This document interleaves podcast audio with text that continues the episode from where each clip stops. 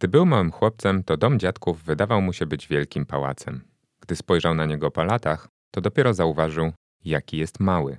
Mały wobec ogromu świata, który dzięki swojej odwadze i determinacji zdołał podbić. Opowiem Wam dziś historię nie tylko sportowca, ale również bohatera dwóch krajów, autora bajek dla dzieci i człowieka, który znalazł swoje złote miasto. he's watching, he's waiting. Can he strike?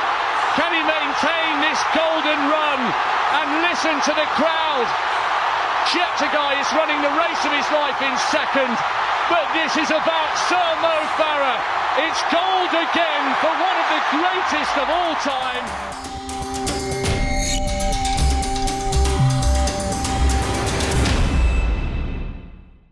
Cześć, tu Kuba Pawlak. Cieszę się, że ponownie się słyszymy. Mam do Ciebie prośbę. Poświęcam dużo czasu, abyś mógł słuchać tych podcastów bezpłatnie, regularnie i w dobrej jakości. Dziś proszę Cię, abyś to Ty poświęcił dosłownie kilka sekund na ocenę podcastu na Spotify, subskrypcję na YouTubie lub zaobserwowanie moich kanałów w mediach społecznościowych. To dla mnie szczególnie ważne, gdyż jestem solowym twórcą. Dzięki temu wsparciu docieram do nowych słuchaczy i mam szansę dalej rozwijać swój projekt. Zajmie Ci to tylko chwilę. Zrób to teraz. Dziękuję i zapraszam na dzisiejszą audycję.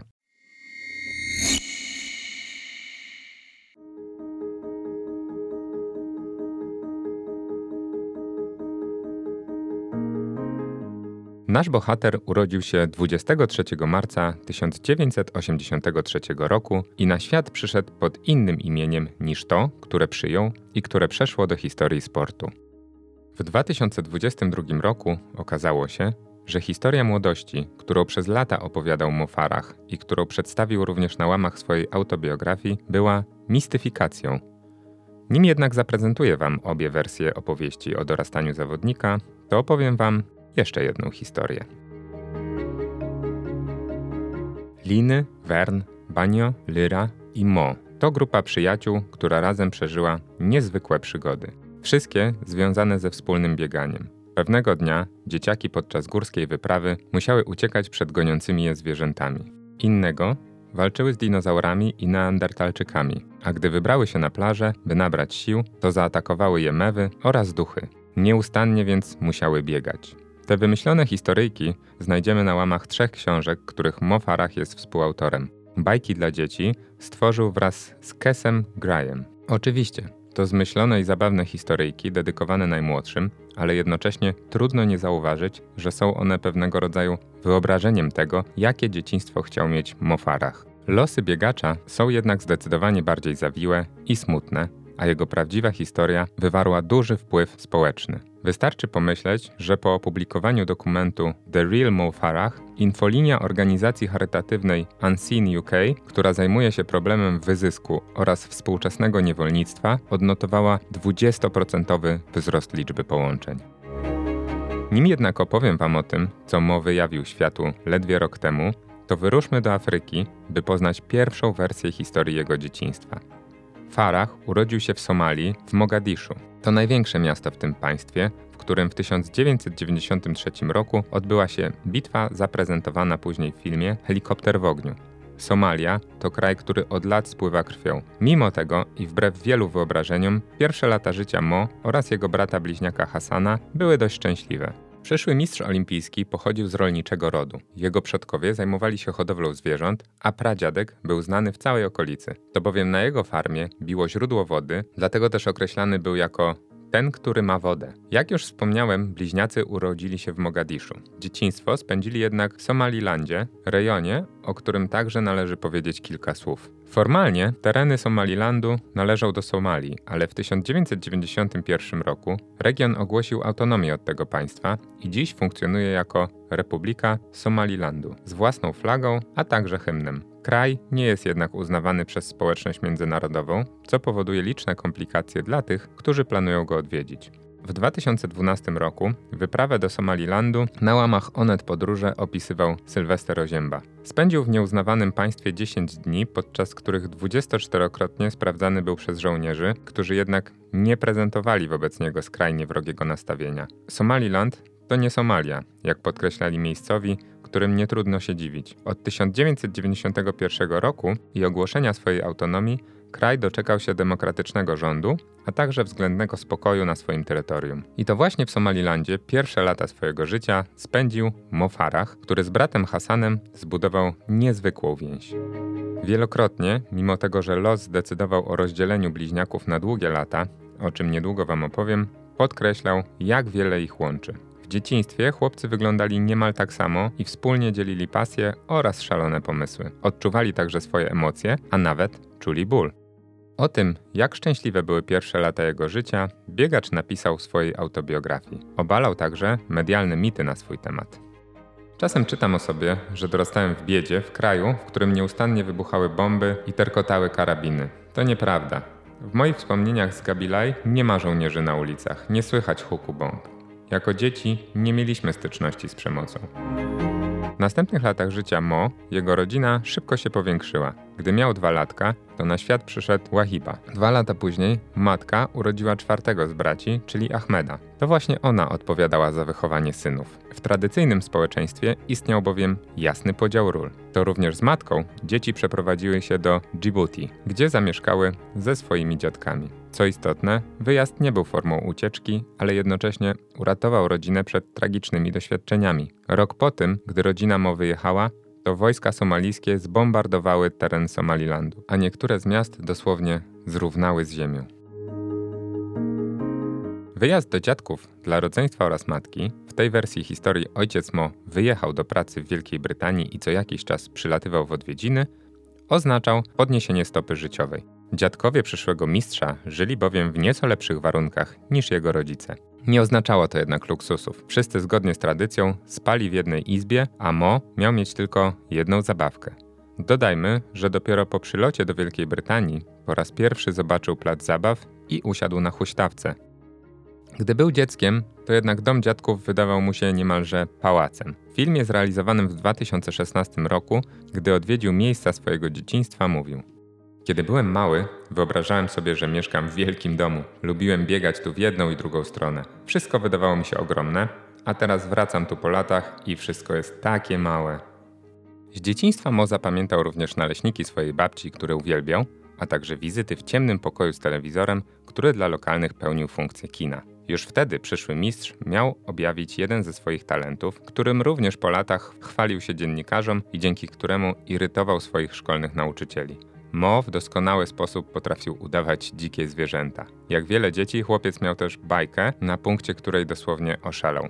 Jego ukochany serial, emitowany również w Polsce, nosił tytuł Tajemnicze Złote Miasta. Kreskówka przedstawiała losy Estebana, chłopca, który wyruszył do Ameryki, by odnaleźć zaginione Złote Miasto. To właśnie dzięki temu tytułowi, o czym napisał w autorskiej książce, Farah zmuszony był biegać.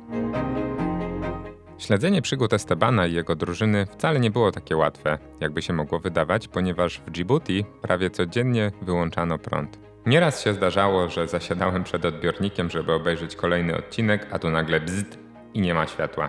Biegałem ulicami i wypatrywałem domów kolegów, u których był jeszcze prąd. Wpadałem jak burza i zziajany siadałem przed telewizorem. Po kilku minutach powtarzało się to samo.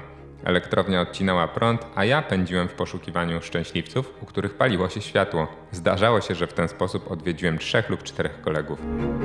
Wraz z bratem Hasanem, jeszcze w Afryce, Mo rozpoczął swoją edukację. Chłopcy uczęszczali do miejscowej medresy, gdzie każdego dnia czytali Koran oraz poznawali historię swojego regionu. Nauka nigdy nie była mocną stroną Mo. Chłopiec borykał się z dyslekcją i by nie oberwać od surowego nauczyciela, na pamięć uczył się fragmentów Koranu, które miał przeczytać podczas lekcji. Dlatego też marzył o karierze mechanika samochodowego co jednak nie przypadło do gustu jego krewnym. Ci, jak wszyscy w regionie, mieli marzyć, by ich wychowankowie zostali lekarzami lub prawnikami. Dlatego też wujek wybił z głowy mu pomysł zbudowania własnego auta z części, które ten kiedyś znalazł przy drodze. Jak dowiadujemy się z biografii zawodnika, krewny nie zdołał jednak wybić mu z głowy majsterkowania. Nawet po latach Farah uwielbiał rozkręcać i skręcać na nowo różne przedmioty. Jego samochodową pasję zrealizował za to brat. Dorosły Hasan został mechanikiem. W 1990 roku chłopiec odkrył także swoją sportową miłość oraz, jak mu się wtedy wydawało, wymarzony zawód. W tamtym roku piłkarski mundial odbywał się we Włoszech, a Mo miał oglądać spotkania najlepszych drużyn na świecie. podobno pierwszym meczem, który zobaczył w swoim życiu, było starcie Argentyńczyków z Brazylijczykami. Chłopiec, podobnie jak Hasan, złapał piłkarskiego bakcyla i wraz z kolegami kopał samodzielnie wykonaną piłkę. Dzieci zrobiły ją z obwiązanego sznurkiem tobołka ze starymi skarpetkami.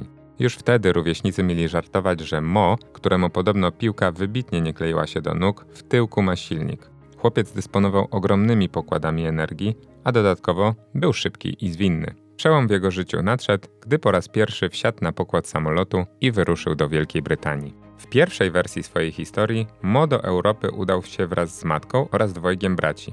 Jego bliźniak Hasan miał rozchorować się na krótko przed wylotem i nie mogąc uczestniczyć w wyprawie, został pod opieką krewnych. W książce Siła ambicji Mo przedstawił również mrożące krew w żyłach wydarzenia, które miały mieć miejsce podczas podróży do Wielkiej Brytanii. W samolocie, którym leciał chłopak, doszło do otwarcia drzwi do ładowni, a w efekcie spadku ciśnienia w kabinie. Pilot niemalże cudem odzyskał kontrolę nad maszyną i zdołał awaryjnie wylądować. Ostatecznie rodzina dotarła do Wielkiej Brytanii po kilku dniach.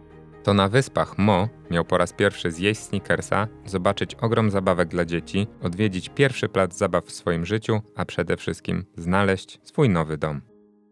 Przez lata to właśnie taką wersję historii swojego życia prezentował Mo Farah. Dopiero w 2022 roku okazało się, że biegacz zataił wiele faktów. Prawdy o tym, w jaki sposób dotarł do Europy, miała nie znać nawet jego żona Tania, Prawdziwą historię wielkiego mistrza świat poznał dzięki realizacji dokumentu zatytułowanego The Real Mo.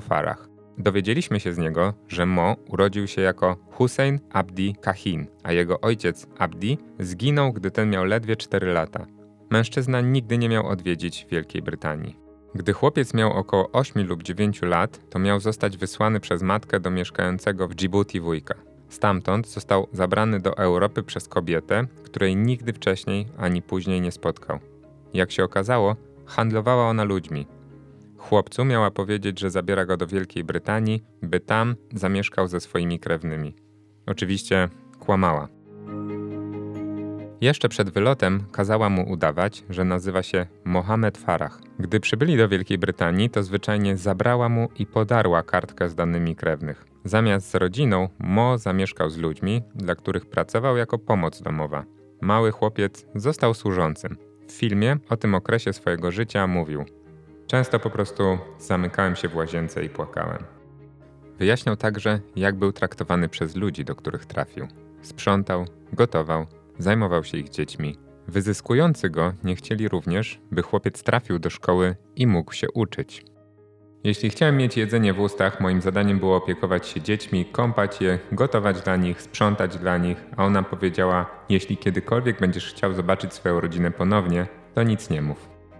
Ostatecznie opiekunowie Somalijczyka pozwolili mu rozpocząć edukację. Trafił do Felton Community College, gdzie spotkał człowieka, który odmienił jego życie. To Alan Watkinson, nauczyciel, bez którego Mo nigdy nie znalazłby nowego domu i nie zaczął trenować biegania. To właśnie jemu chłopiec wyjawił prawdę o swoim pochodzeniu oraz niewolniczej pracy, którą musiał wykonywać. I to właśnie dzięki jego interwencji oraz działaniom opieki społecznej zyskał nowych opiekunów. Farah trafił do somalijskiej rodziny, na czele której stała kobieta o imieniu Kinsey. Mo nazywał ją ciocią, a w swojej dawnej biografii kłamał, że po prostu został u niej, gdy matka zdecydowała się na rozwód z ojcem oraz powrót do Somalilandu, gdzie miała szukać jego brata Hasana. W nowym domu chłopiec wreszcie nie musiał pracować. Mógł się uczyć, a także zyskał przyjaciela i kompana Mahada. Kuzyn, jak mówił o nim Mo, uczył go języka angielskiego, z którym ten miał spore problemy. Nauka nadal nie była mocną stroną Faraha, który w klasie lubił udawać dźwięki zwierząt, a na przerwach często wdawał się w bójki. Zmieniał się dopiero na szkolnym boisku, gdzie poznał wspomnianego już Alana Watkinsona. Nauczyciel dostrzegł chłopaka już podczas pierwszej wspólnej lekcji, na której uczył wychowanków rzutu oszczepem. Lekkoatletyka była ważną dyscypliną w Felton Community College. Szkoła za cel postawiła sobie znajdowanie i szkolenie sportowych talentów, a takim niewątpliwie był Mo. Nauczycielowi imponowała wytrzymałość chłopaka, który również szybko okazał się być najszybszym biegaczem w szkole. Opisując ten okres w życiu swojego wychowanka, Watkinson mówił: Jedynym językiem, który zdawał się rozumieć, był język wychowania fizycznego i sportu. O ile język sportu rzeczywiście był dla Faraha w pełni zrozumiały, o tyle angielski nadal stanowił dla niego duże wyzwanie i to właśnie z powodu problemów z komunikacją biegacz stracił wygraną w jednym ze szkolnych biegów. Mo prowadził wyścig, ale ponieważ nie zrozumiał nauczyciela, gdy ten tłumaczył, jak przebiega jego trasa, to pomylił drogę. Wspominał, co wydarzyło się później. Prowadził największy dryblas. Wziąłem głęboki oddech i rzuciłem się w pogoń. Gnałem ile sił w nogach, rozpaczliwie usiłując doścignąć lidera. Udało mi się wyprzedzić większość rywali, ale kiedy zbliżaliśmy się do linii mety, chłopak biegnący na pierwszej pozycji nagle wystrzelił do przodu. Odniosłem jedną z nielicznych porażek w mojej karierze. Mimo porażki, Mo nadal błyszczał w szkolnych startach, a podczas Dnia Sportu miał zwyciężyć niemalże we wszystkich konkurencjach. Watkinson przekonał go więc, by dołączył do klubu lekkoatletycznego Hounslow. Chłopak, mimo tego, że w jego głowie nadal była przede wszystkim piłka nożna, zgodził się spróbować swoich sił. Jego pierwszym trenerem został Alex McGee. W życiu Mo nadal jednak istotną postacią był Watkinson, który kiedyś otrzymał nawet od swojego wychowanka kubek z dedykacją dla najlepszego nauczyciela na świecie. To właśnie on nie pozwolił Farachowi zrezygnować z biegania. Nie tylko zawoził go na treningi, ale również gdy ten powoli zaczął się z nich wycofywać, zawarł z nim nietypową umowę. Pozwolił Mo i jego kolegom grać w piłkę na szkolnej hali, ale w zamian za to chłopak musiał bez marudzenia kontynuować biegowe treningi. Te szły mu tak dobrze, że zdarzało mu się dublować szkolnych kolegów. Rywalizacja z nimi nie stanowiła już dla szybko rozwijającego się zawodnika wyzwania. To przyniosły mu zmagania na poziomie gminnym, a następnie ogólnokrajowym. W wieku 12 lat dotarł do poziomu międzyszkolnych mistrzostw Anglii. To zawody, w których nie tylko startuje tłum utalentowanych dzieciaków, ale najlepsza ósemka zostaje później reprezentantami Anglii na Mistrzostwach Wielkiej Brytanii. I to właśnie bieganie w reprezentacyjnej koszulce stało się jednym z celów Mo. Mimo młodego wieku dotarł do pewnego rozdroża w swojej karierze. Musiał porzucić piłkę nożną i skupić się na bieganiu.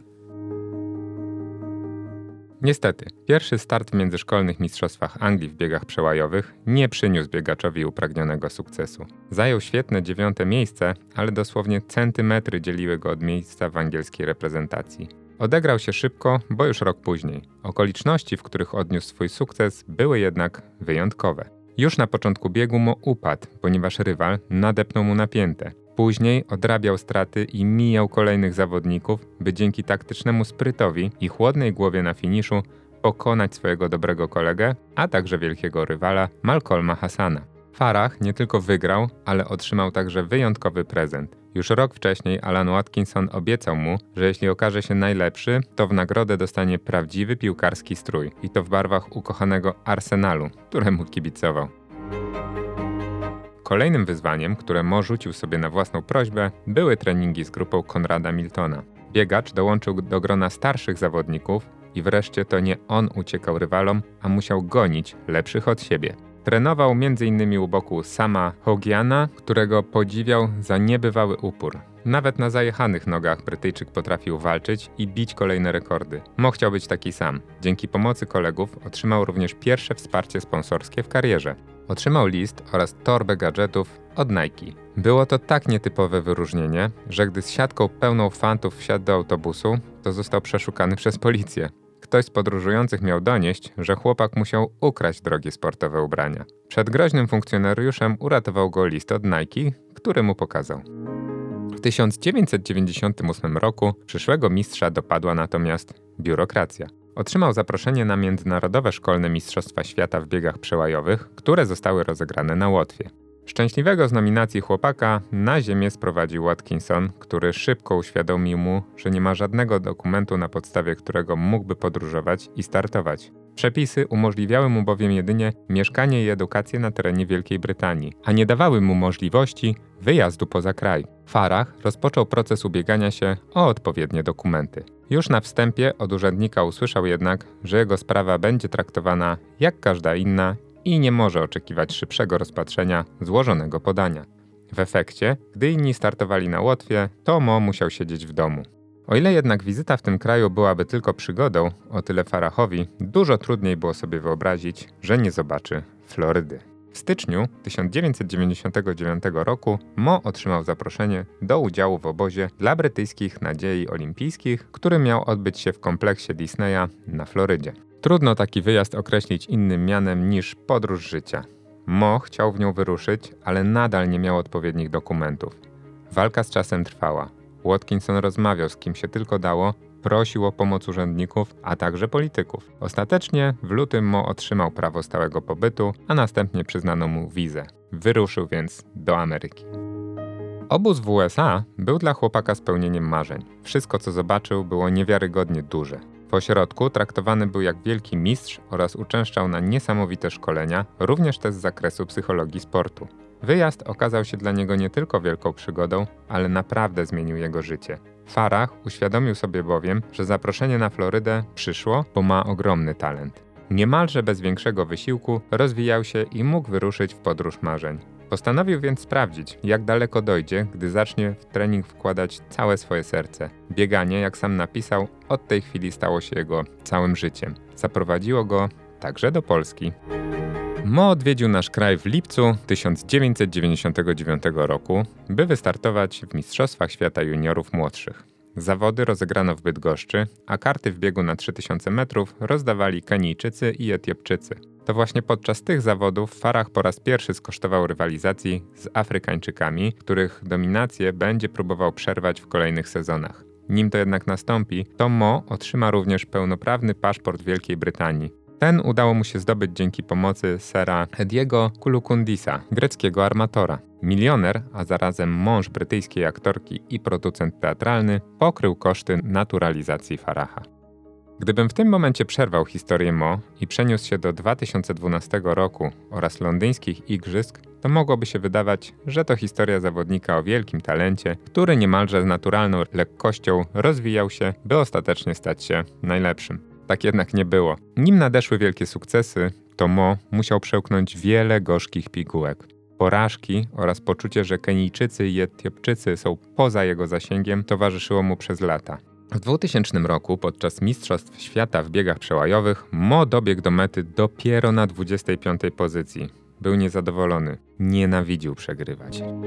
Po raz kolejny musiał również zdecydować, jak dalej potoczą się jego losy. Z nastolatka stawał się mężczyzną i musiał znaleźć swoją życiową ścieżkę. Rozważał m.in. wojskową karierę. Liczył, że będzie mógł być zarówno żołnierzem, jak i sportowcem.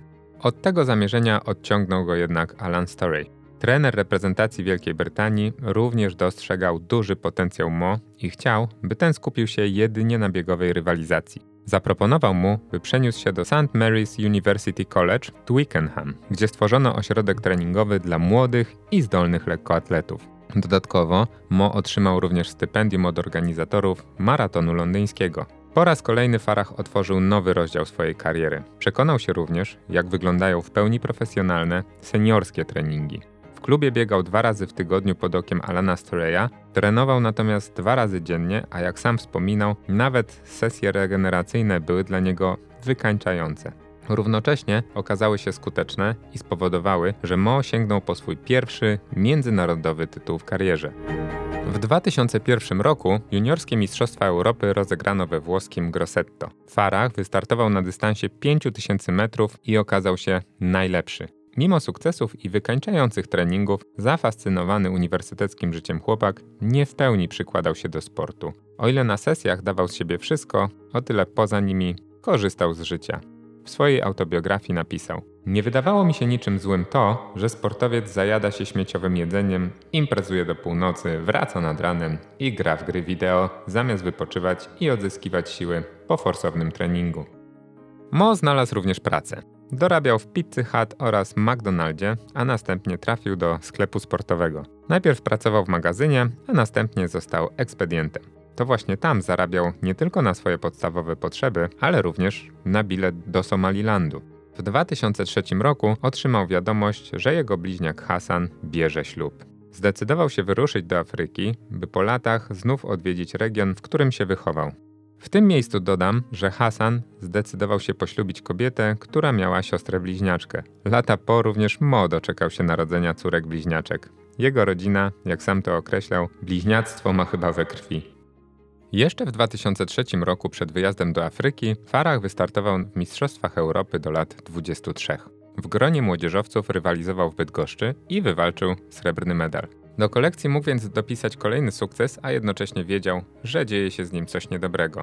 Po latach wspominał, że w 2003 roku niejako stracił serce do biegania. Tuż przed wylotem z Londynu stracił również włosy. W tamtym okresie na głowie nosił bowiem warkoczyki, te jednak w Somalilandzie nie były dobrze postrzegane. W tym regionie mężczyźni strzygą się krótko i noszą brody. Już na lotnisku Mo wpadł w ramiona swojego brata. Nie widział go przez długie 12 lat. O tym, jak wyglądała ich rozłąka, Hasan opowiadał w filmie Mo Farah No Easy Mile. Podczas swoistej konfrontacji i trudnej rozmowy braci, którą śledziły kamery, mówił: Myślałem, że do nas przyjedziesz, czekałem na ciebie każdego dnia. Nie widziałem cię 12 lat. Swoje spotkanie po latach oraz towarzyszące im w tamtym dniu emocje bracia wspominali również w wywiadzie udzielonym w kwietniu 2022 roku Markowi Lomasowi. Mo mówił: tej chwili, gdy wysiadłem z samolotu w Djibouti i zobaczyłem go, nigdy nie zapomnę. Żyliśmy i nadal żyjemy dwoma różnymi życiami, ale nadal mamy tę samą więź i połączenie. Hasan dodawał: Kiedy pojechałem na lotnisko, pobiegłem do Mo i oboje płakaliśmy w niekontrolowany sposób. Po raz pierwszy w dorosłym życiu poczułem spokój. Ta pustka, którą nosiłem w sobie tak długo, została w końcu wypełniona. Nigdy nie chciałem pozwolić mu odejść. W Somalilandzie biegacz miał spędzić dwa tygodnie, a następnie powrócić do swoich treningów. Z rodziną czuł się jednak tak dobrze, że jego pobyt w Afryce trwał aż dwa miesiące. Dwa miesiące, podczas których nie trenował. Jak wyjaśnił, w tym regionie bieganie było postrzegane jako coś nienormalnego i nienaturalnego. Dzieciaki mogły biegać za piłką, ale bieganie bez celu uznawane było niemalże za przejaw wariactwa. Podczas ośmiu tygodni, które spędził z rodziną, Farah raz próbował wyjść na trening. Gdy ledwie zaczął truchtać, to grupa lokalnych dzieci goniła go i krzyczała: Patrzcie, wariat, wariat! W efekcie zawodnik do Wielkiej Brytanii wrócił po ponad 8 tygodniach przerwy od treningów. Oczywiście, przed szkoleniowcem udawał, że biegał każdego dnia. Szybko zrozumiał jednak, jak wiele kosztowała go przerwa. Ledwie powrócił do treningu i od razu poczuł ból w prawym kolanie. Nadal wspominał również pobyt w Afryce i myślami był przy bliźniaku. Stwarzał jednak pozory i nadal trenował. W 2004 roku doszło do tragedii, która wstrząsnęła Farahem. Jak już wspomniałem, jednym z młodzieńczych idoli Mo był Brytyjczyk Samuel Hockheim. W kwietniu zawodnicy wraz z krajową reprezentacją przebywali na zgrupowaniu w Johannesburgu. Sam trenował z myślą o Igrzyskach Olimpijskich w Atenach. Do Grecji niestety nigdy nie dotarł. Podczas obozu doszło do wypadku samochodowego, w którym ucierpieli Hogain oraz fizjoterapeutka ekipy Rebecca Wills. Gdy informacja o zdarzeniu dotarła do Mo, to ten miał zmartwić się, że jego kolega straci szansę na olimpijski występ. Nie wiedział, że sytuacja jest dużo poważniejsza. Brytyjczyk zginął w wyniku odniesionych obrażeń. Farah był jedną z osób, która brała udział w identyfikacji zwłok kolegi. Rok później zwyciężył również w poświęconym jego pamięci biegu. W swojej autobiografii napisał natomiast, jak duże piętno odcisnęła na nim śmierć sama. Długo nie chciał z nikim rozmawiać o tym wydarzeniu. Nie potrafił także zaakceptować, że mimo tragedii życie toczy się nadal. Jednocześnie zrozumiał, że to właśnie ono jest najcenniejszym darem i człowiek powinien je wykorzystać, by być dobrym. Być może właśnie z tego powodu oraz swojej długo ukrywanej przeszłości Mo kilka lat później stworzył fundację, która będzie wspierać najuboższych. Nim to jednak nastąpi, to będzie musiał poczynić kolejne, niekiedy milowe i bardzo odważne kroki w swojej karierze. W 2005 roku zawodnik po raz drugi wystartował w młodzieżowych mistrzostwach Europy. Z Erfurtu, podobnie jak dwa lata wcześniej z Bydgoszczy, ponownie wrócił ze srebrnym medalem. Szybszy od niego okazał się Rosjanin Anatolij Rybakow. Dla Mo drugie miejsce oznaczało porażkę. Celował w wygraną, a do zwycięzcy stracił ponad 4 sekundy. Zrozumiał, że jeśli chce być najlepszy, a także liczyć się w seniorskim gronie, to musi podjąć radykalne kroki. Dlatego też zdecydował się wyprowadzić z uniwersyteckiego kampusu. Jego dawni koledzy także skończyli już swoją edukację, a młodzi zawodnicy, podobnie jak on na początku swojej uniwersyteckiej przygody, stawiali zabawę nad sportowy profesjonalizm. Biegacz zrozumiał, że jeśli chce być najlepszy, to powinien trenować z tymi, którzy są najlepsi, Dlatego też postanowił zamieszkać w Teddington. Wynajął pokój w domu, w którym przebywali najlepsi kenijscy biegacze na świecie. W tej części miasta trenował także Australijczyk Craig Motram, nazywany przez afrykańskich rywali Wielkim Białym Człowiekiem. W 2005 roku udowodnił światu, że z biegaczami z Afryki da się rywalizować, a także wygrywać. na Mistrzostwach Świata w Helsinkach wywalczył brązowy medal na dystansie 5000 metrów. O tym, jak wyglądało życie u boku kenijskich sportowców, Farah opowiadał wielokrotnie. Jeśli mówił krótko, to stwierdzał po prostu, że jego najwięksi rywale śpią, jedzą, trenują i odpoczywają. To wszystko, co robią. Gdy wdawał się w szczegóły, to wyjaśniał, że zawodnicy wstawali o 6 rano, pili herbatę, a następnie rozpoczynali swoje treningi. Wysiłek przeplatali jedynie snem, gotowaniem oraz słuchaniem religijnych piosenek. Żyli spokojnie i w pełni skupiali się na sporcie. Ich jedyną rozrywką była gra w szachy. Te, ponieważ nie dysponowali standardową planszą, zrobili sami korzystając z kawałka kartonu i zakrętek do butelek. Gdy zasiadali przed telewizor, to nie po to, by oglądać filmy lub seriale, ale analizować zapisy wideo z różnych biegów. Początkowo Farah próbował żyć w typowy dla siebie sposób. Wychodził do kina, spotykał się ze znajomymi, a do domu potrafił wracać w środku nocy. Szybko jednak zrozumiał, że jeśli chce być najlepszy i wygrywać z ludźmi, którzy wszystko podporządkowali lekkoatletyce, to musi się do nich upodobnić.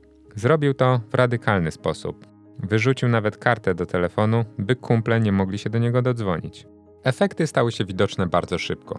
O ile start w Igrzyskach Wspólnoty Narodów Mo zakończył na kiepskim dziewiątym miejscu, o tyle swoje możliwości pokazał podczas Europejskiego Czempionatu w Göteborgu. Startował z seniorami, ale mierzył w miejsce na podium.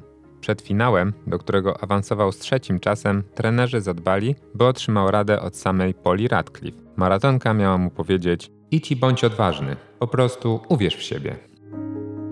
Największym rywalem Brytyjczyka okazał się Hiszpan Jesus Espania. Rywal walczył do końca i stoczył z Farahem epicki pojedynek. Jeszcze 150 metrów przed metą prowadził Brytyjczyk, który sądził, że wygraną ma już w kieszeni. Stało się jednak inaczej. Hiszpan zdołał odrobić straty i minąć Faraha. Na linię mety biegacze wpadli jednocześnie. Później okazało się, że Espania był szybszy o włos. Na rewanż Brytyjczyk, który nie mógł się pogodzić z porażką, zmuszony był czekać cztery długie lata. Jeszcze w 2006 roku Farah, który podpisał kontrakt sponsorski z Adidasem, mógł cieszyć się z pierwszego seniorskiego złota w karierze. W grudniu rozegrano Mistrzostwa Europy w biegach przełajowych. Zdecydowanym faworytem do wygranej imprezy był Ukrainiec Serhii Webit. Biegacz wygrywał te zawody nieprzerwanie od 2001 roku i mierzył w kolejny, szósty z rzędu tytuł. Jak się okazało, włoskie San Giorgio Sulegano przyniosło mu ogromne rozczarowanie. Mistrz nie zdołał wejść nawet do pierwszej dziesiątki biegu. W tym karty rozdawał natomiast Mo Farah. Od początku czuł się dobrze, strategicznie podkręcał tempo, by ostatecznie zwyciężyć z przewagą 7 sekund nad drugim zawodnikiem. Tym samym Farah został drugim Brytyjczykiem w historii, który sięgnął po tytuł w biegach przełajowych. Po zakończeniu rywalizacji medium mówił: Czułem się pewnie, ale walczyłem trochę na starcie. Wszyscy się spinali, więc postanowiłem po prostu zostać w grupie i poczekać. Musiałem ciężko pracować na ten cel i aby go osiągnąć, spędziłem miesiąc przygotowując się w RPA. W 2007 roku Brytyjczyk po raz pierwszy wystartował w seniorskich mistrzostwach świata. Mimo, że debiutował, to w Osace chciał walczyć o najwyższe cele. Wystartował na dystansie 5000 metrów i pokazał niezwykłą odwagę. Jego poczynania chwalił nawet legendarny komentator i biegacz Steve Cram. Mo był bowiem jedynym biegaczem w stawce, który postanowił zaryzykować i rzucić wyzwanie Bernardowi Lagatowi. Pochodzący z Kenii, ale reprezentujący USA zawodnik 29 sierpnia został mistrzem świata w biegu na 1500 metrów. Na dystansie 5000 metrów liczył na swój świetny finisz. Jak się okazało, rywale niejako ułatwili mu zadanie. Nie forsowali tempa, a bieg starali się rozegrać taktycznie. Jedynym w stawce, który postanowił zaryzykować, był Mo Farah. Na 500 metrów przed metą wysunął się na czoło stawki i zaatakował. Prowadził, ale nie zdołał utrzymać świetnej pozycji. Spadł na szóste miejsce i po raz kolejny okazał się najlepszym Europejczykiem, ale musiał uznać wyższość biegaczy z Afryki. Tuż po wyścigu mówił: Jestem zdecydowanie rozczarowany, ale to moje pierwsze Mistrzostwa Świata i mam nadzieję, że wyciągnę z tego wnioski. Moje nogi po prostu padły na ostatnich 50 metrach, ale teraz chcę pojechać na Olimpiadę w Pekinie i zobaczyć, co się stanie. Przygotowując się do pierwszego olimpijskiego występu, Mo podjął kolejną odważną decyzję. Uznał, że jeśli ma wygrać z Kenijczykami, to musi pojechać do Kenii. Pobyt w tym państwie był dla niego niezwykłym doświadczeniem. Mimo tego, że wychował się w Afryce, to jak twierdził, doznał swoistego szoku kulturowego. Musiał przywyknąć do życia w obozie oraz obyć się bez typowych dla zachodniego świata wygód. W swojej książce wspominał. W wiosce można było oglądać telewizję satelitarną, ale oprócz tego nie było nic: internetu, sklepów, restauracji, kina. Musiałem pić wodę z butelki, ponieważ mój żołądek buntował się przeciwko kranówce, którą żłopali Kenijczycy. W Kaptagat trenuje się niemal 24 godziny na dobę. Tydzień w tydzień ponad 150 km ostrego biegania. Kiedy to zrozumiałem, wreszcie zacząłem robić postępy. Z optymistycznym nastawieniem Farah spoglądał więc w kierunku olimpijskiego występu w Pekinie. O tym, jak wyobraża sobie olimpijski start oraz czym będzie się on różnił od standardowego występu, opowiadał w rozmowie z Eurosportem. W zwykły dzień start był wieczorem. Obudziłbym się rano, poszedłbym na 20 minut potruchtać, wziąłbym prysznic i zjadł śniadanie. Kilka kawałków chleba i kawa. Potem wróciłbym i ogoliłbym włosy. Około 7 godzin przed wyjściem zjadłbym dobry lunch. Ryż, kurczak, coś zwyczajnego z dużą ilością białka i bez sosu. Potem spróbowałbym się przespać. Około 4 godzin przed biegiem muszę być na stadionie, więc wsiadłbym do autobusu i rozejrzał wokół. Dwie godziny przed zacząłbym rozgrzewkę z moim iPodem i porozmawiał z trenerem. W tym momencie zacząłbym się naprawdę denerwować. Olimpiada jest inna. Nie można wywierać na sobie presji. Trzeba być maksymalnie zrelaksowanym. Dodawał także, że jest gotowy na życie w wiosce olimpijskiej i wiążące się z tym niewygody. Zaplanował również, jak spędzi wolny czas. Miał grać w Nintendo Wii ze swoimi przyjaciółmi. Niestety, w Chinach Mofarach poniósł największą porażkę w swojej karierze. Szalejąc na treningach w Arizonie, do kraju środka przyleciał zwyczajnie przetrenowany i odpadł w eliminacjach. O tym, co się wydarzyło, na gorąco załamany mówił. Myślałem, że tempo jest wolne. Oglądałem pierwszy bieg. Wiem, że było wolne. Postanowiłem przesunąć się do przodu. Mój partner Moses powiedział, żebyśmy docisnęli. Przyspieszyliśmy. Potem zrobiło się ciasno i nie mogłem się przebić. Wiedziałem, że rywale lepiej finiszują. Walczyłem do końca. Starałem się, ale jestem bardzo rozczarowany. Farah do domu wrócił zdruzgotany.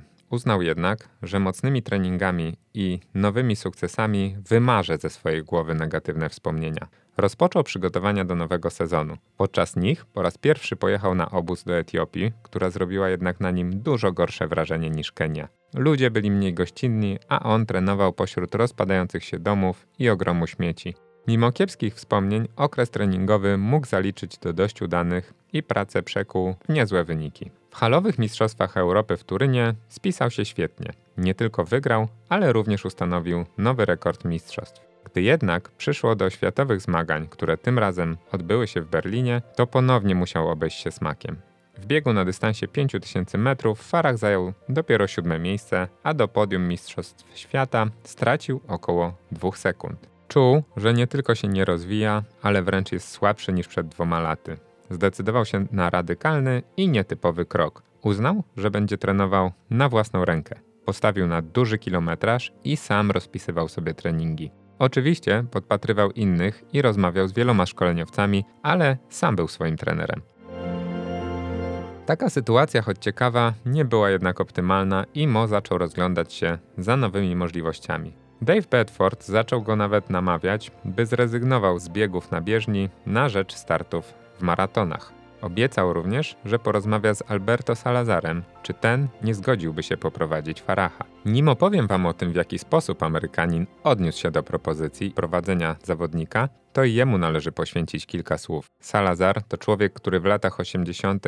trzy razy z rzędu wygrywał maraton w Nowym Jorku. Później zajął się szkoleniem, a w 2001 roku stanął na czele Nike Oregon Project. Był to program, który miał doprowadzić do stworzenia grupy mocnych, długodystansowych biegaczy z USA. I to właśnie z nim współpracę już w 2009 roku chciał nawiązać Farah. Salazar zdecydował się odmówić biegaczowi, a powody jego decyzji Mo opisał w swojej biografii. Po pierwsze, przeszkodą miała być narodowość Faraha. Celem Nike Oregon Project było szkolenie Amerykanów, a nie Brytyjczyków. Po drugie, Mo współpracował z Adidasem, a patronem projektu było Nike. Po trzecie i najważniejsze, Salazar odmówił, ponieważ uznał, że Farah nie powinien jeszcze zmieniać swojej specjalizacji na maratony. Bedfordowi miał wyjaśnić. Widziałem kilka startów Mo i uważam, że ten chłopak ma wielki potencjał. może go zrealizować, jeśli tylko popracuje nad jedną, może dwoma niedoskonałościami. Szybko okazało się, że Salazar miał rację, a nowy 2010 rok przyniósł Farachowi kilka ważnych momentów, zarówno w tym sportowym, jak i prywatnym życiu. W kwietniu poślubił bowiem Tanię, czyli kobietę, którą miłością darzył przez lata i na której uczucie długo czekał. Para poznała się jeszcze w latach szkolnych i długo pozostawała w koleżeńskiej relacji. Farach często miał odwiedzać koleżankę w jej domu, a ta zaplatała mu warkoczyki. Próbował z nią flirtować, ale nie potrafił tego robić. W poświęconym zawodnikowi filmie kobieta wspominała, że po prostu mówił cześć i nie brzmiało to zalotnie. Mimo iż wyznał jej swoje uczucia, to Tania nie odwzajemniła jego miłości. Swoje pierwsze dziecko, czyli Rianę, urodziła ze związku z innym partnerem, z którym jednak szybko się rozstała. Na początku w 2008 roku Mo i Tania ponownie mieli nawiązać kontakt. Farah znalazł jej profil na Facebooku i zdecydował się napisać do dawnej ukochanej. Zaczęli się spotykać i wspólnie oglądać serial, który ich połączył. To właśnie podczas jednego z odcinków skazanego na śmierć Mo miał przytulić Tanię, która nie odrzuciła jego zalotów. Później zamieszkali razem, a w kwietniu 2010 roku zostali małżeństwem. Farah przysposobił również Rianę, którą traktuje jak rodzoną córkę. Końcówka 2009 roku oraz pierwsze starty w nowym sezonie przyniosły Brytyjczykowi zarówno sukcesy, jak i ukazały jego problemy zdrowotne. Farah okazał się najlepszy w biegu ulicznym Great South Run. Nie dał się zgubić rywalom, mądrze rozłożył siły, a dodatkowo był niesiony dopingiem publiczności. Dużo gorzej zakończył się dla Mo kolejny występ. W Mistrzostwach Europy w biegach przełajowych wywalczył srebro, ale na mecie zemdlał. Był tak wyczerpany, że zamiast stanąć na podium, musiał zostać zniesiony na noszach i przebywać w centrum medycznym. Sytuacja powtórzyła się na początku stycznia w Edynburgu, gdzie miał nieprawidłowo rozłożyć siły. Zaczął zbyt szybko, by do mety dotrzeć na trzeciej pozycji.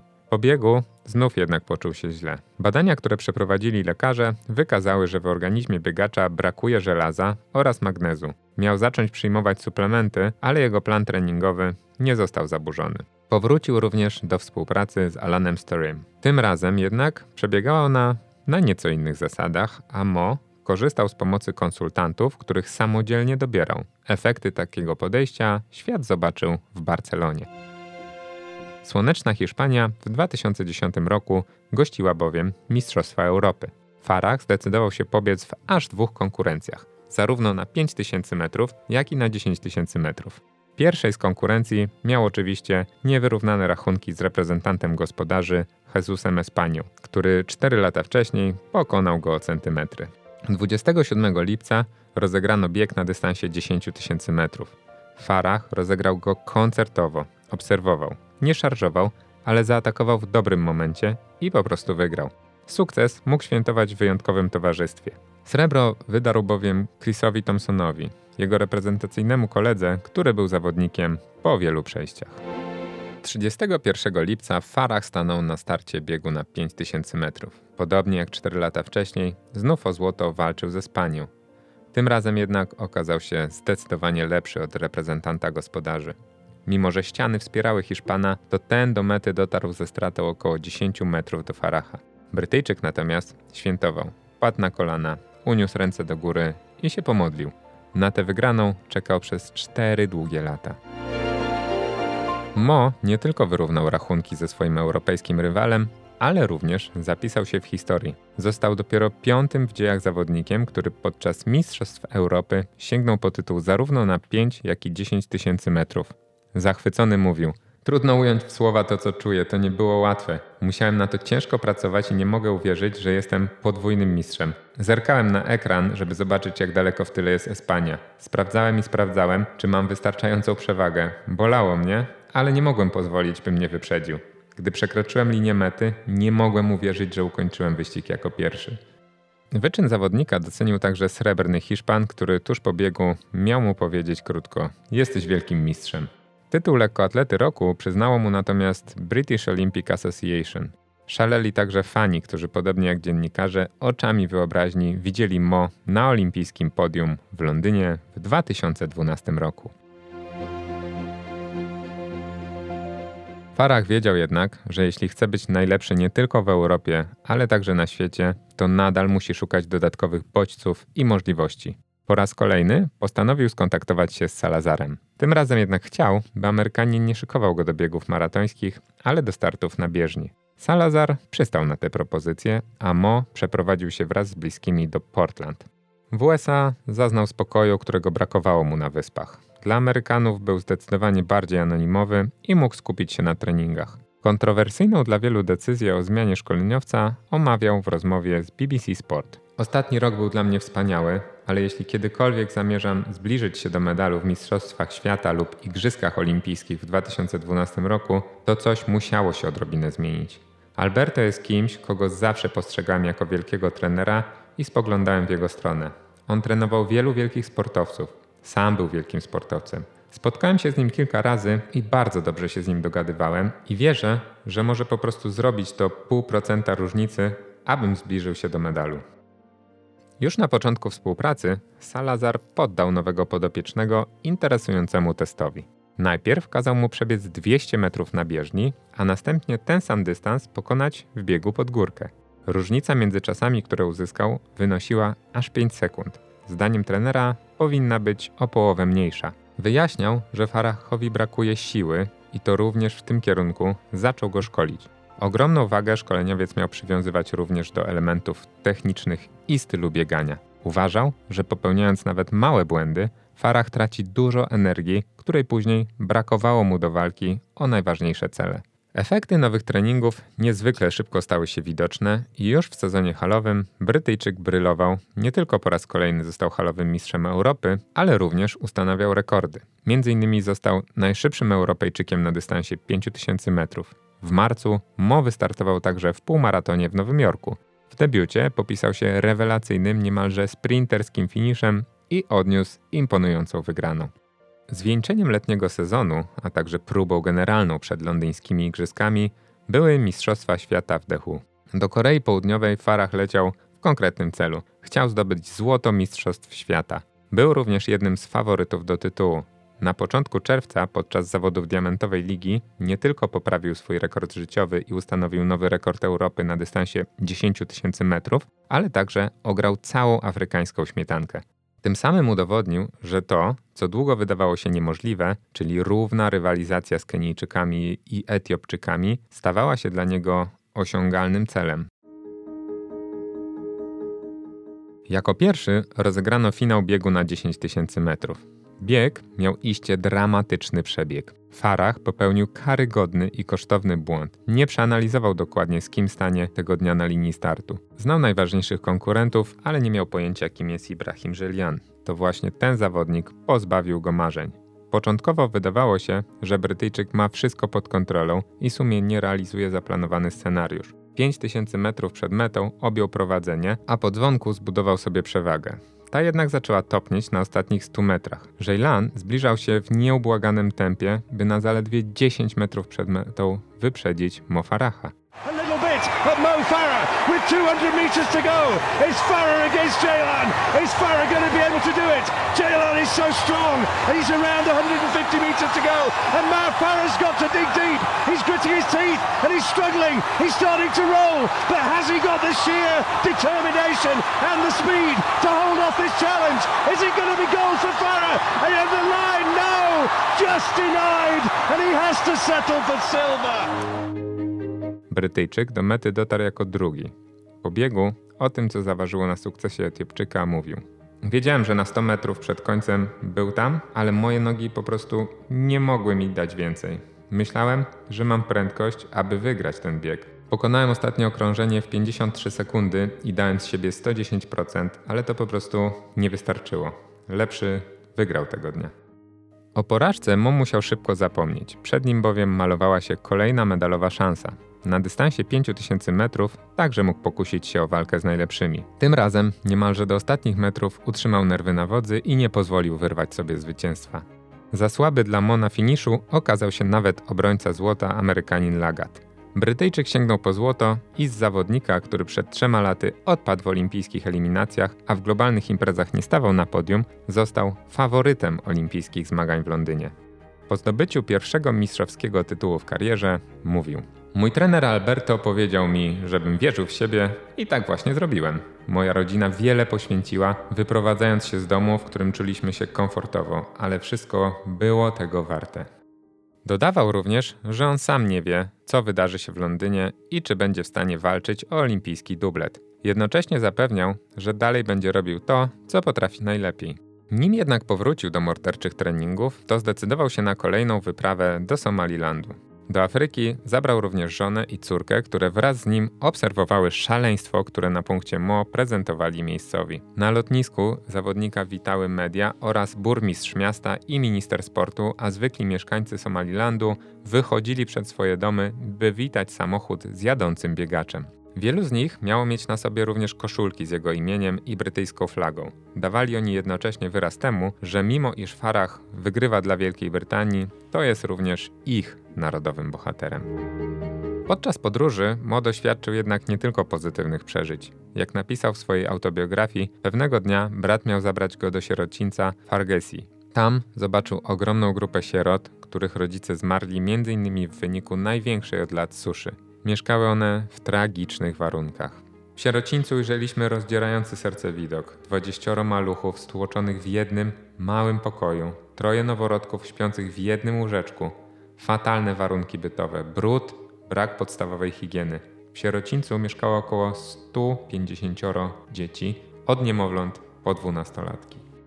Nie może więc dziwić, że od razu po powrocie na wyspy Moi Tania postanowili zacząć działać zdecydowali się stworzyć fundację, która będzie wspierać mieszkańców Afryki Wschodniej. Organizacja o nazwie Mo Farah Foundation istnieje do dziś, a wraz z kolejnymi sukcesami biegacza, o których opowiem Wam za moment, zaczęła rosnąć w siłę.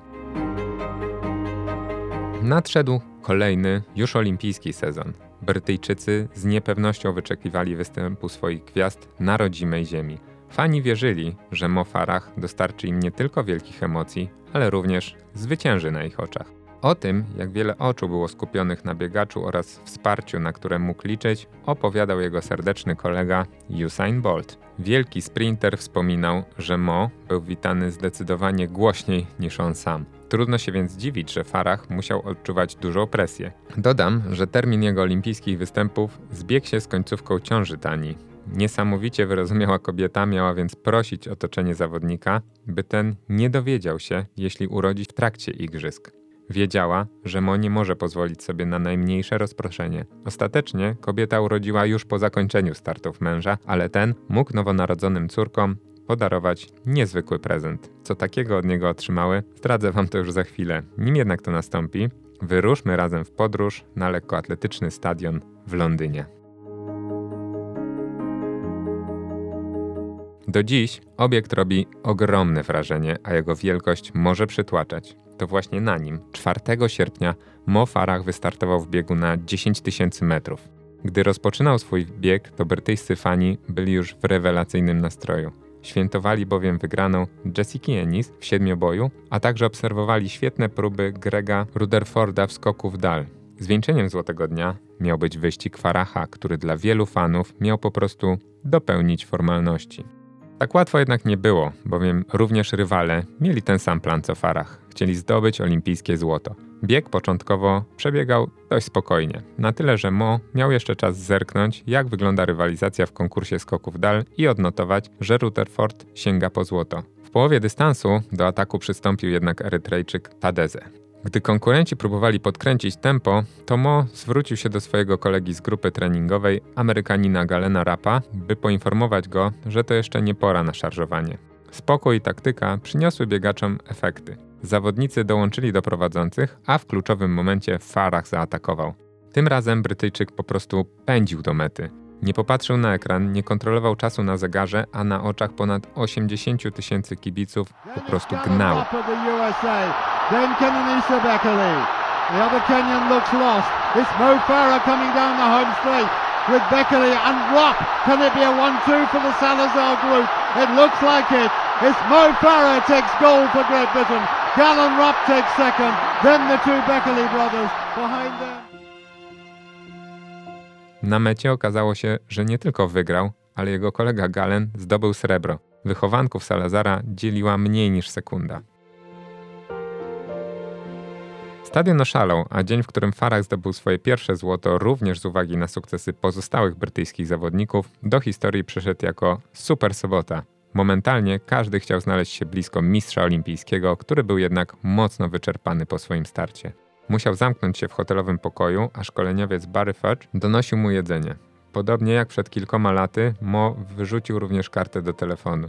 Nowy numer otrzymała do niego tylko żona, a nie dał go nawet matce i bratu. Spał, jadł i szykował się do kolejnego olimpijskiego starcia. Gdy on wyciszał się w samotności, to media opisywały nie tylko jego historię, ale również wskazywały, jaki jest wymiar społeczny oraz religijny jego sukcesu.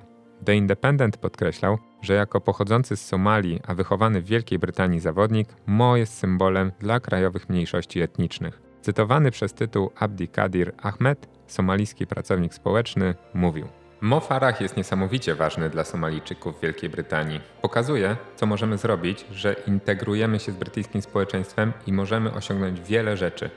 Wysyła bardzo silny komunikat do naszej młodzieży, że nie muszą być na czołówkach gazet z powodu przestępczości lub niskich osiągnięć. To już jest wypaczony obraz, a Mo pomaga nam temu przeciwdziałać. Dedykowany społeczności muzułmańskiej magazyn ML rozmawiał z biegaczem o wpływie religii na odnoszone przez niego sukcesy. W rozmowie Farah podkreślał, że wzoruje się na Koranie oraz wyjaśnił, w jaki sposób wiara wpływa na jego samopoczucie. W Koranie jest też napisane, że musisz ciężko pracować niezależnie od tego, co robisz, dlatego ciężko pracuję na treningach i to ma wiele wspólnego z odnoszeniem sukcesów. To nie przychodzi z dnia na dzień. Musisz na to trenować i wierzyć w siebie. To najważniejsza rzecz. Myślę, że to jaki jestem, jak jestem wyluzowany, ma wiele wspólnego z byciem muzułmaninem i posiadaniem wiary. W biegu na 5000 metrów największym rywalem Faraha był Etiopczyk Dejan Gebremeskel. Rywal postanowił nie czekać i dość szybko narzucił mocne tempo. Prawdopodobnie liczył, że zmęczy Brytyjczyka, który w nogach miał już przecież zwycięskie 10 tysięcy metrów. Jego wysiłki okazały się jednak niewystarczające. Mo cierpiał, ale wykrzesał z siebie pokłady energii i znów okazał się najlepszy. The Kenyans holding on and Farah with 200 meters to go. Aguida's coming wide on the outside. It's going to be a cracking last 100 meters. Can Mo Farah hang on to this? He's got eyeballs out now. Longest Seawer in second place. Aguida there. Lagat coming wide. He got tripped though. And Mo Farah's coming down the straightway. And he's going to be attacked by by Deborah Meskel. And Mo Farah's got the double. He's the Olympic champion again. Deborah Meskel gets the silver medal. Dwa olimpijskie tytuły stały się faktem. Jego wygraną świętował również Usain Bolt. Tego samego wieczora Jamajczyk sięgnął po trzecie olimpijskie złoto w Londynie. Wraz ze sztafetą wygrał i pobił rekord świata. Na mecie pokazał Mobota, to słynny gest wykonywany przez Mofaracha. Brytyjczyk miał wymyślić go jeszcze przed igrzyskami wraz z kolegami, gdy planował, co zrobi, jeśli będzie najlepszy. Skoro igrzyska dobiegły końca, to muszę zdradzić wam wcześniej zapowiadany sekret. Bliźniaczki tuż po narodzeniu od świeżo upieczonego taty otrzymały oczywiście olimpijskie krążki. Można żartobliwie stwierdzić nawet, że Mo w Londynie musiał wygrać podwójnie, bo przecież nie mógł pozbawić żadnej z córek pierwszego prezentu w ich życiu. Zanim opowiem Wam o tym, jak dalej toczyła się kariera Faraha, to powróćmy jeszcze na moment do początku 2012 roku. Biegacz wziął wtedy udział w programie telewizyjnym The Cube. To teleturniej, w którym uczestnicy rozwiązują zadania, stojąc wewnątrz zbudowanego ze szkła akrylowego sześcianu. Ich poziom z rundy na rundę oczywiście wzrasta. Ku zaskoczeniu wielu, Mo okazał się pierwszym w historii uczestnikiem brytyjskiej edycji show, który zdobył główną nagrodę. 100 tysięcy funtów przekazał na rzecz swojej fundacji. Także olimpijski sukces biegacz wykorzystał do niesienia pomocy. Zorganizował pierwszy w historii Mo Farah Foundation bal charytatywny, podczas którego odbywała się również licytacja charytatywna. Za najwyższą kwotę sprzedano wtedy buty Usaina Bolta. Zebrane środki zostały przeznaczone na budowę nowego sierocińca w Hargejsie. Tego, który Mo odwiedził rok wcześniej i nad losem jego małych mieszkańców nie potrafił przejść obojętnie. Farah po raz pierwszy znalazł się również w interesującym rankingu, w którym od 2012 roku umieszczany jest nieprzerwanie. Trafił na listę The Muslim 500, na której umieszczani są muzułmanie wywierający największy wpływ w różnych kategoriach życia, w tym również sporcie. Cztery kolejne lata startów biegacza można by zawrzeć w krótkim powiedzeniu: idź złoto do złota. W Moskwie w 2013 roku, w Zurichu 2014, w Pekinie 2015 oraz na Olimpijskich Igrzyskach w Rio 2016 roku w Farach nie znalazł pogromców. Był po prostu najlepszy. Sprowadzenie jego sukcesów do tak krótkiego stwierdzenia byłoby jednak sporym nietaktem, bowiem każda z wygranych została okupiona ogromnym wysiłkiem oraz była efektem treningów z Salazarem. Za ich kulisy zajrzeli twórcy Mofarach No Easy Mile. Zobaczyliśmy, jak Mo korzysta z kriokomory oraz jak ocieka potem po swoich treningach. Dowiedzieliśmy się także, że prowadzi dziennik, w którym zapisuje, co zrobił danego dnia. Twierdził również, że jego ówczesny kilometraż, film powstał w 2016 roku, wynosił nawet 200 km tygodniowo. Wróćmy jednak do 2013 roku i kolejnych poolimpijskich wyczynów Faraha. Biegacz nie tylko wystartował w moskiewskich Mistrzostwach Świata, gdzie ponownie zgarnął dublet, ale wielkim wyczynem popisał się także podczas zawodów Diamentowej Ligi w Monako. Brytyjczyk pobiegł na dość nietypowym dla siebie dystansie 1500 metrów i wykręcił rewelacyjny czas. Na metę wpadł na drugiej pozycji z czasem 3.28.81. Nie tylko został siódmym najszybszym zawodnikiem w historii tego dystansu, ale również ustanowił nowy rekord Europy. Miano najszybszego Europejczyka odebrał mu dopiero w 2021 roku Jakob Ingebrigtsen podczas Igrzysk w Tokio. Farach dobrze prezentował się również poza bieżnią. Startował w półmaratonach i w nich także poprawiał narodowe rekordy oraz zajmował wysokie pozycje. W lutym w Nowym Orleanie był najszybszy. Na finiszu pokonał Gebre, Gebre Mariama, byłego zwycięzcę maratonu w Nowym Jorku. Po raz drugi rekord kraju Mo wyśrubował w trakcie imprezy Great North Run. Podczas największego rozgrywanego na świecie półmaratonu sięgnął po drugą pozycję. Jego starcie z Kenenisą Bekele oraz Haile Gebreselassim ma już statut kultowego pojedynku. Media opisywały go jako pojedynek trzech najlepszych męskich biegaczy długodystansowych w historii. Panowie walczyli zaciekle, a Bekele, który odniósł wygraną, popisał się niesamowitą taktyką. Już na początku biegu niespodziewanie odpadł od dwóch największych rywali. Jak później tłumaczył, był to celowy ruch z jego strony. Właściwie to nie męczyłem się w tamtym momencie. Chciałem, aby tempo trochę wzrosło, a jeśli trzymamy się razem, to tempo może być wolne, ponieważ czekamy na siebie nawzajem. Chciałem, aby tempo było forsowane, więc dlatego odpadłem. Podwójna wygrana w Moskwie spowodowała, że Farah nie tylko został określony przez Sebastiana Coe oraz Bernarda Fostera największym brytyjskim atletą wszechczasów, ale również został finalistą nagrody JAF World Athlete of the Year. Trafił również na listę najpopularniejszych sportowców, których nazwisko wyszukiwali internauci. W zestawieniu, w którym zwyciężył Leo Messi przed Luisem Suarezem oraz Garethem Bale'em, Mo zajął fenomenalne czwarte miejsce. Co istotne, biegacz był jednym z dwóch, obok kolarza Chrisa Fruma, nie piłkarzem, który wszedł do czołowej dziesiątki zestawienia. Natomiast trener Mo, czyli Salazar, otrzymał specjalną nagrodę Międzynarodowego Stowarzyszenia Federacji Lekkoatletycznych. Podczas uroczystej gali, która w grudniu 2013 roku odbyła się w Monte Carlo, trener ujawnił, że wraz z podopiecznym zaczął pracować nad zmianą jego stylu biegania. Przygotowując swojego zawodnika do maratonów, Salazar chciał sprawić, by jego krok stał się mniej sprężysty, a ruch był bardziej ekonomiczny. Nim opowiem Wam o tym, co wydarzyło się w kolejnym roku, wróćmy na moment do Nowego Orleanu. Po wygranym półmaratonie Mo udzielił telewizyjnego wywiadu, który sprawił, że przeprowadzająca go dziennikarka stała się gwiazdą sieci. Prezenterka Latonia Norton nie była specjalistką od sportowych zmagań. W efekcie nie tylko pogratulowała biegaczowi wygranej, ale również zadała mu zaskakujące pytanie: czy biegałeś już wcześniej? Gdy Farah okazał swoje zaskoczenie, to dopytywała: czy nie biegałeś już wcześniej? To nie był twój pierwszy raz? Nie chcąc zawstydzić reporterki, Farah zgrabnie próbował wybrnąć z sytuacji i odpowiadał, że to jego pierwszy start w Nowym Orleanie, ale biegał już w półmaratonach. Nagranie stało się hitem internetu, a właściciel stacji przepraszał za sytuację i próbował wyjaśnić, że dziennikarka wiedziała o biegowych sukcesach Mo, ale niefortunnie sformułowała pytanie.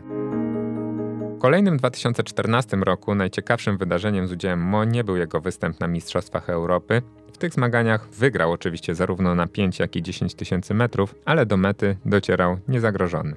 Zdecydowanie większe emocje wzbudził natomiast występ Brytyjczyka w maratonie w Londynie. W tym wyścigu zajął ósme miejsce, a do mety dotarł z wynikiem 2.821.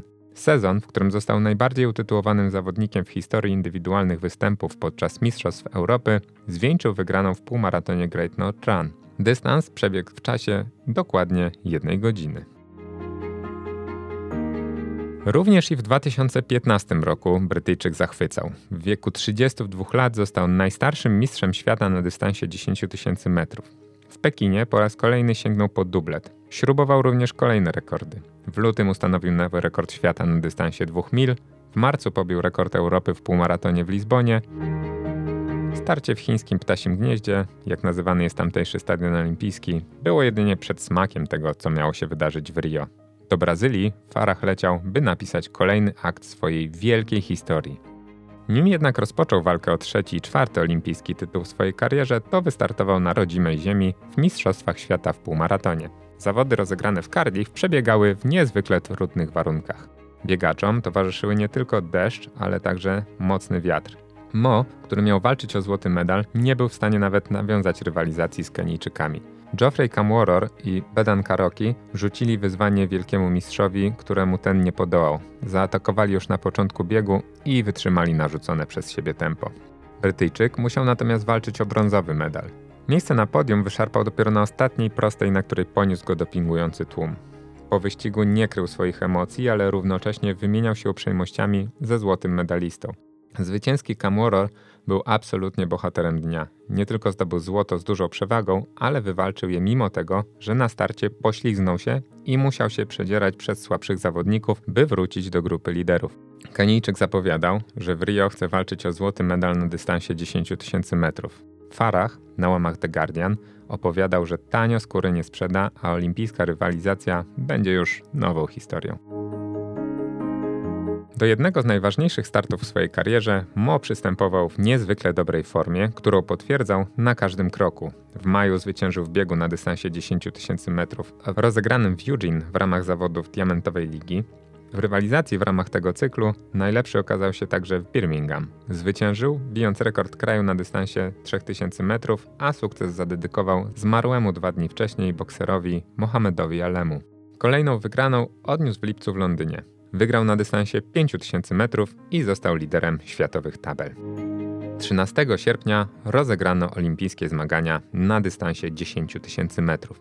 Jeszcze przed startem, pytana przez autorów filmu o jej mężu, Tania Farach mówiła, że jedynym czego się obawia to sytuacja, w której los przeszkodzi Mo w rozegraniu wyścigu w taki sposób, w który biegacz sobie to zaplanował. Kobieta nie pomyliła się, ponieważ bieg miał rzeczywiście dramatyczny, ale dzięki temu również epicki przebieg. Gdy zawodnicy pokonywali dziesiąte kółko, to Mo nagle upadł. Przypadkiem został podcięty przez swojego dobrego przyjaciela oraz partnera treningowego Galena Rapa, z którym na olimpijskim podium stawał w Londynie. W chwili, gdy Brytyjczyk wylądował na bieżni, zamrzeć musiały miliony fanów na całym świecie, dla których te kilka dramatycznych sekund trwało niczym godziny. Jedynym, co potrafiła w takich okolicznościach zrobić Tania, która znajdowała się na trybunach, były okrzyki, by Mo wstawał.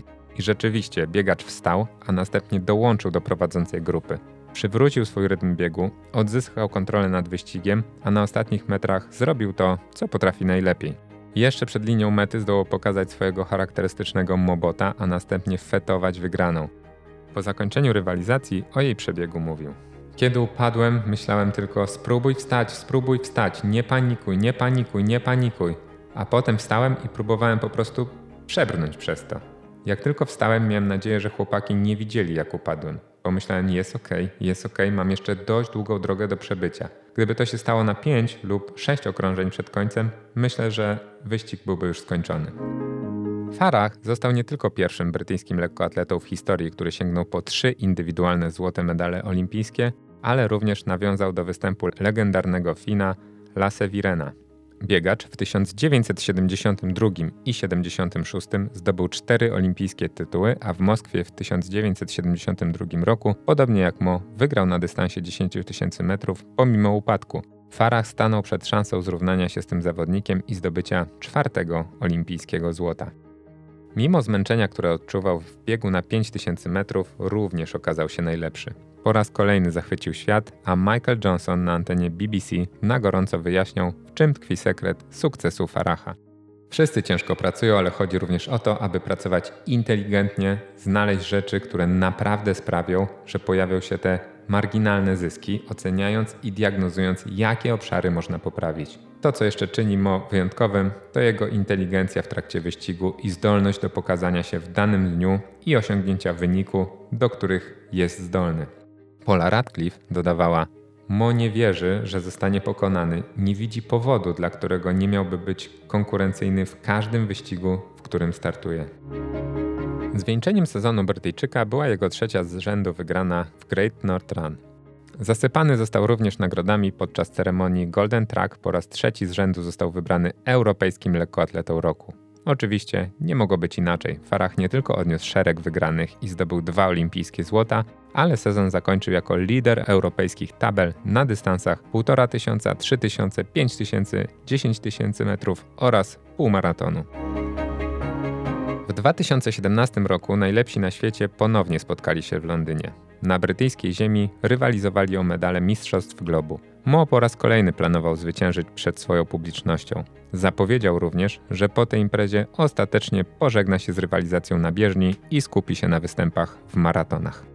Występ w biegu na 10 tysięcy metrów opisać można jako starcie doświadczenia z młodością.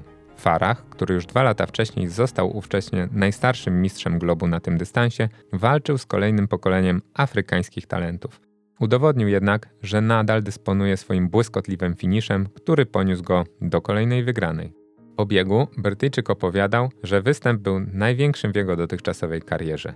Poszli bardzo mocno. Wiedziałem, że będzie ciężko i musiałem wierzyć w swój sprinterski finisz. Ale to był jeden z najtrudniejszych wyścigów w moim życiu. Chłopaki mi go zafundowali. Bieg na o połowę krótszym dystansie przyniósł rozstrzygnięcia, których świat sportu nie widział od lat. Po raz pierwszy od 2011 roku, gdy sięgnął po swój pierwszy mistrzowski tytuł, Farah przegrał podczas imprezy sezonu. Robił co tylko mógł, ale to nie wystarczyło. Najlepszy okazał się młody Etiopczyk Mukhtar Edris. Zaprezentował fantastyczny finisz, a na mecie pokazał Mobota. Nowy mistrz zwyciężył i świętował w stylu, który przez lata prezentował Mofarach. Brytyjczyk pożegnał się ze startami na bieżni, a sezon zwieńczył kolejną wygraną w zawodach Great North Run. Zwyciężył po raz czwarty z rzędu. Podjął także ważną decyzję. Zdecydował o rozstaniu z Alberto Salazarem. Nim opowiem o oficjalnych powodach jego decyzji, to należy nadmienić, że nad szkoleniowcem od dwóch lat zbierały się czarne chmury związane z podejrzeniami o podawanie swoim wychowankom środków dopingujących. Farah ignorował zarzuty, które formułowały media. Nie przejął się również tym, że powiązany z nim trener Jema Aden został w 2016 roku aresztowany po tym, gdy w hotelu w Hiszpanii, w którym przebywał, znaleziono EPO. W związku ze wspomnianymi oskarżeniami brytyjscy dziennikarze mieli w kuluarach namawiać Mo, by też rozważył zakończenie współpracy z Salazarem. Do rozstania duetu rzeczywiście doszło, ale Brytyjczyk twierdził, że zależało mu na tym, by jego rodzina wróciła do Wielkiej Brytanii. W rozmowie z The Sun mówił: nie opuszczam Nike Oregon Project i Alberto Salazara z powodu zarzutów o doping. Ta sytuacja trwa od ponad dwóch lat. Gdybym miał odejść z tego powodu, zrobiłbym to już wcześniej. Gdybym kiedykolwiek miał powód, by wątpić w Alberto, nie wspierałbym go przez ten cały czas. Wyjeżdżam dlatego, że wraz z rodziną przeprowadzamy się z powrotem do Londynu. Ja i Tania zdaliśmy sobie sprawę, jak bardzo tęskniliśmy za spędzeniem czasu z naszymi przyjaciółmi i rodziną. Chcemy, aby dzieci dorastały w Wielkiej Brytanii. To dobre dla mojej rodziny. Zawodnik, który miał poświęcić się maratońskim występom, zdecydował się na współpracę z Karym Lugiem, mężem oraz byłym szkoleniowcem Poli Radcliffe. Duet szybko zaczął odnosić maratońskie sukcesy. Nim jednak nadszedł nowy sezon, to Mo Farah dostąpił wielkiego zaszczytu. Podczas ceremonii z udziałem królowej Elżbiety II otrzymał tytuł szlachecki i mógł tytułować się Ser Mo Farah. Decyzja o nadaniu biegaczowi tej godności była finałem trwającej od 2012 roku dyskusji na ten temat. Już po igrzyskach w Londynie rozważano przyznanie mu tego wyróżnienia. Temat powrócił w 2013 roku, a podczas igrzysk w Rio o nadanie tytułu szlacheckiego Farachowi apelowało wielu internautów. Po otrzymaniu zaszczytu zawodnik mówił: Jestem szczęśliwy, że otrzymałem ten niewiarygodny zaszczyt od kraju, który był moim domem, odkąd przybyłem tutaj w wieku 8 lat. Wówczas nie znałem języka angielskiego. W marcu 2018 roku już jako Sermo Farah zwyciężył w wielkim półmaratonie w Londynie. Miesiąc później stanął na podium londyńskiego maratonu. Do mety dotarł w czasie 2.6.22 i ustanowił nowy rekord kraju. Musiał jednak uznać wyższość Eliuda Kipchoge oraz Shura Kitaty Tola Z pierwszym z nich Farah przegrał o ponad dwie minuty. Drugi z rywali wyprzedził go o ponad półtorej minuty. Brytyjczyk nie powinien jednak narzekać, ponieważ w pokonanym polu zostawił wiele tu zbiegowego świata. Na przykład na szóstej pozycji uplasował się wtedy Kenenisa Bekele. Po raz piąty Farah wygrał również w zawodach Great North Run. Mimo sukcesu był nieco rozczarowany swoim startem. Wygrał, ale nie zdołał poprawić swojego rekordu życiowego. W uzyskaniu najlepszego wyniku w karierze miał mu przeszkodzić mocny wiatr. Wszystkie elementy układanki perfekcyjnie zawodnikowi udało się złożyć miesiąc później w Chicago. Na amerykańskiej ziemi rozegrano 41. edycję słynnego maratonu. Farah prezentował wielką formę oraz miał okazję pobiec u boku swojego dobrego znajomego i przyjaciela Galena Rapa. Amerykanin, który rok wcześniej zwyciężył w tym wyścigu, tym razem zajął piąte miejsce. Najszybszy okazał się Mo Farah, który wygrał swój pierwszy bieg maratoński w karierze. Nie tylko pokonał znakomitych i utytułowanych rywali, ale również ustanowił nowy rekord Europy. Czas 2.5.11 uzyskał mimo dość trudnych warunków. Wydawało się więc, że Farah odnalazł swoją nową sportową ścieżkę i wszedł na nią z przytupem. W lutym 2019 roku zawodnik ogłosił jednak, że ma nieco inne plany. Zapowiadał, że rozważa występ olimpijski w Tokio, a jego serce nadal jest blisko startów na bieżni. Wyjaśniał. Byłem szczery i mówiłem, że skończyłem z bieżnią, ale część mnie za tym zatęskniła. Czuję, że wciąż mogę zdobywać medale i robić to tak dobrze, jak przez te lata. Zapowiadał, że w Japonii mógłby wystąpić na dystansie 10 tysięcy metrów i powalczyć o trzecie z rzędu olimpijskie złoto w tej konkurencji. Takiego scenariusza nie odniósł żaden biegacz w historii. Dodawał także, że nie wyklucza, że podczas Mistrzostw Świata w Doha wystartuje na bieżni, a nie w maratonie. Mówił: Wciąż jestem głodny i zapewniał, że mimo upływu lat nie stracił swoich umiejętności finiszowania. Decyzję o starcie w katarskich mistrzostwach globu Mo uzależniał od wyniku maratonu w Londynie. W tym biegu chciał rzucić wyzwanie rekordziście świata i zwycięzcy sprzed roku. Eliud Kipchoge pobiegł jednak w tempie nieosiągalnym dla Faraha. Kenijczyk powtórzył swój sukces, a do mety dotarł w czasie 2.2.37. Za jego plecami znaleźli się dwaj Etiopczycy, z którymi Mo nie zdołał nawet nawiązać walki. Medaliści pobiegli o ponad dwie minuty szybciej od Brytyjczyka, który wywalczył piątą pozycję. Biegacz nie krył rozczarowania swoją postawą. Czułem się świetnie przed startem. Moim celem było podążanie za pacemakerem, ale po 20 milach, kiedy odpadłem, utworzyła się luka i trudno było mi ją zamknąć. Jestem sobą zawiedziony. W sierpniu agent Mofaraha ogłosił również, że zawodnik zrezygnuje z występu w Mistrzostwach Świata w Doha. Termin imprezy miał kolidować z przygotowaniami do maratonu w Chicago, na którym Farah zamierzał się skupić. Przygotowując się do występu w USA, Brytyjczyk po raz szósty i ostatni w swojej karierze zwyciężył w zawodach Great North Run. W Chicago Farah wystąpił źle. Maratoński dystans przebiegł najsłabiej w swojej karierze i zajął dopiero ósme miejsce. Jeszcze przed startem twierdził, że mimo iż nigdy nie wpadł na stosowaniu dopingu, to znalazł się na celowniku dziennikarzy, którzy zajmowali się sprawą Alberto Salazara. Szkoleniowiec został zdyskwalifikowany za stosowanie środków dopingujących, a Nike Oregon Project został zamknięty. W związku z tym, tuż przed startem maratońskiej rywalizacji, Farah mediom mówił, że nie tylko jest prawdopodobnie jednym z najczęściej testowanych zawodników na świecie, ale wskazywał także, że formułowanie wobec niego oskarżeń może być przejawem rasizmu. Zirytowany wyjaśniał. To nie dotyczy Mofaraha, to dotyczy Alberto Salazara. Nie jestem Alberto, nigdy nic mi nie podawano. Nie jestem na testosteronie lub czymkolwiek innym. W tamtym okresie nigdy nie widziałem żadnych wykroczeń, kiedy tam przebywałem. Ten zarzut dotyczy Salazara, a nie Mofaraha.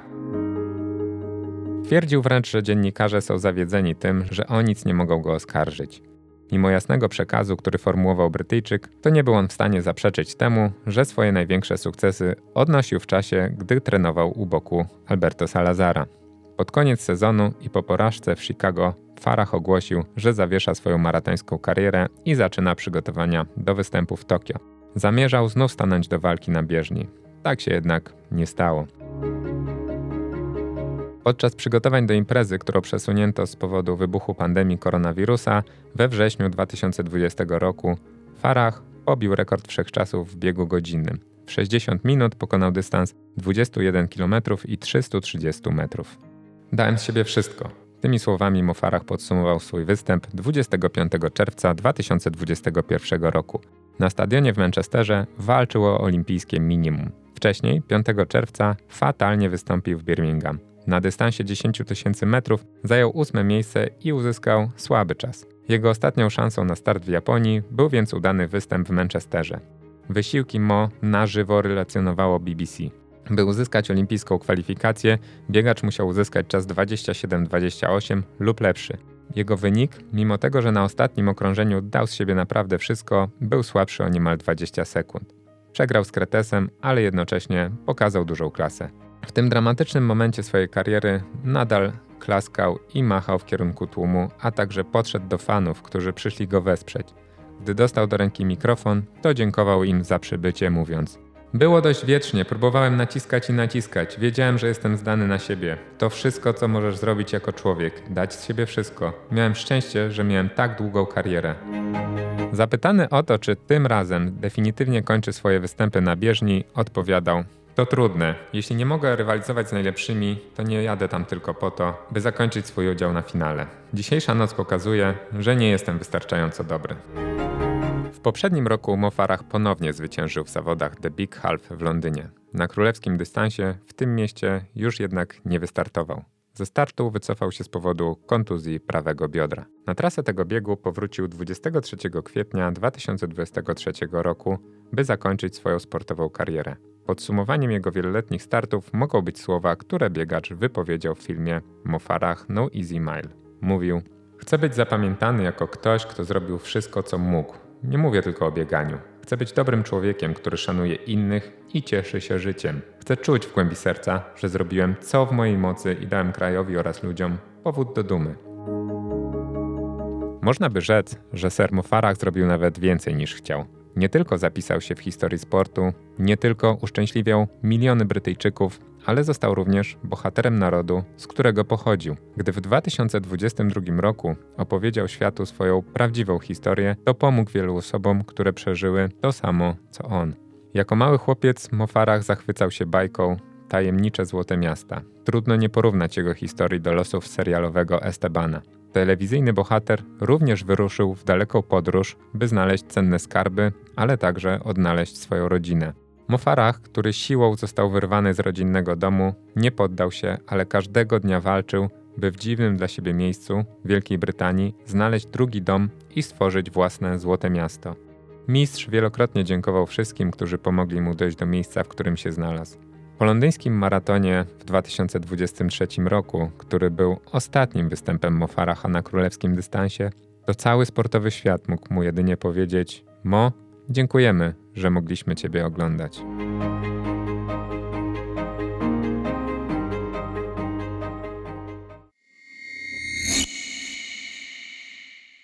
Fajnie, że zostałeś z nami do końca. To chyba oznacza, że Ci się podobało. Jeśli tak, to byłoby mi miło, gdybyś ocenił podcast na Spotify lub YouTubie, zostawił komentarz, zasięgową łapkę lub polecił ten podcast znajomym biegaczom. To ważne dla salowego twórcy, jakim jestem, bo pomaga mi być regularnym, pilnować jakości oraz nie być zmuszonym do pobierania opłat od słuchaczy. Wierzę, że możesz to dla mnie zrobić. Dzięki i do usłyszenia.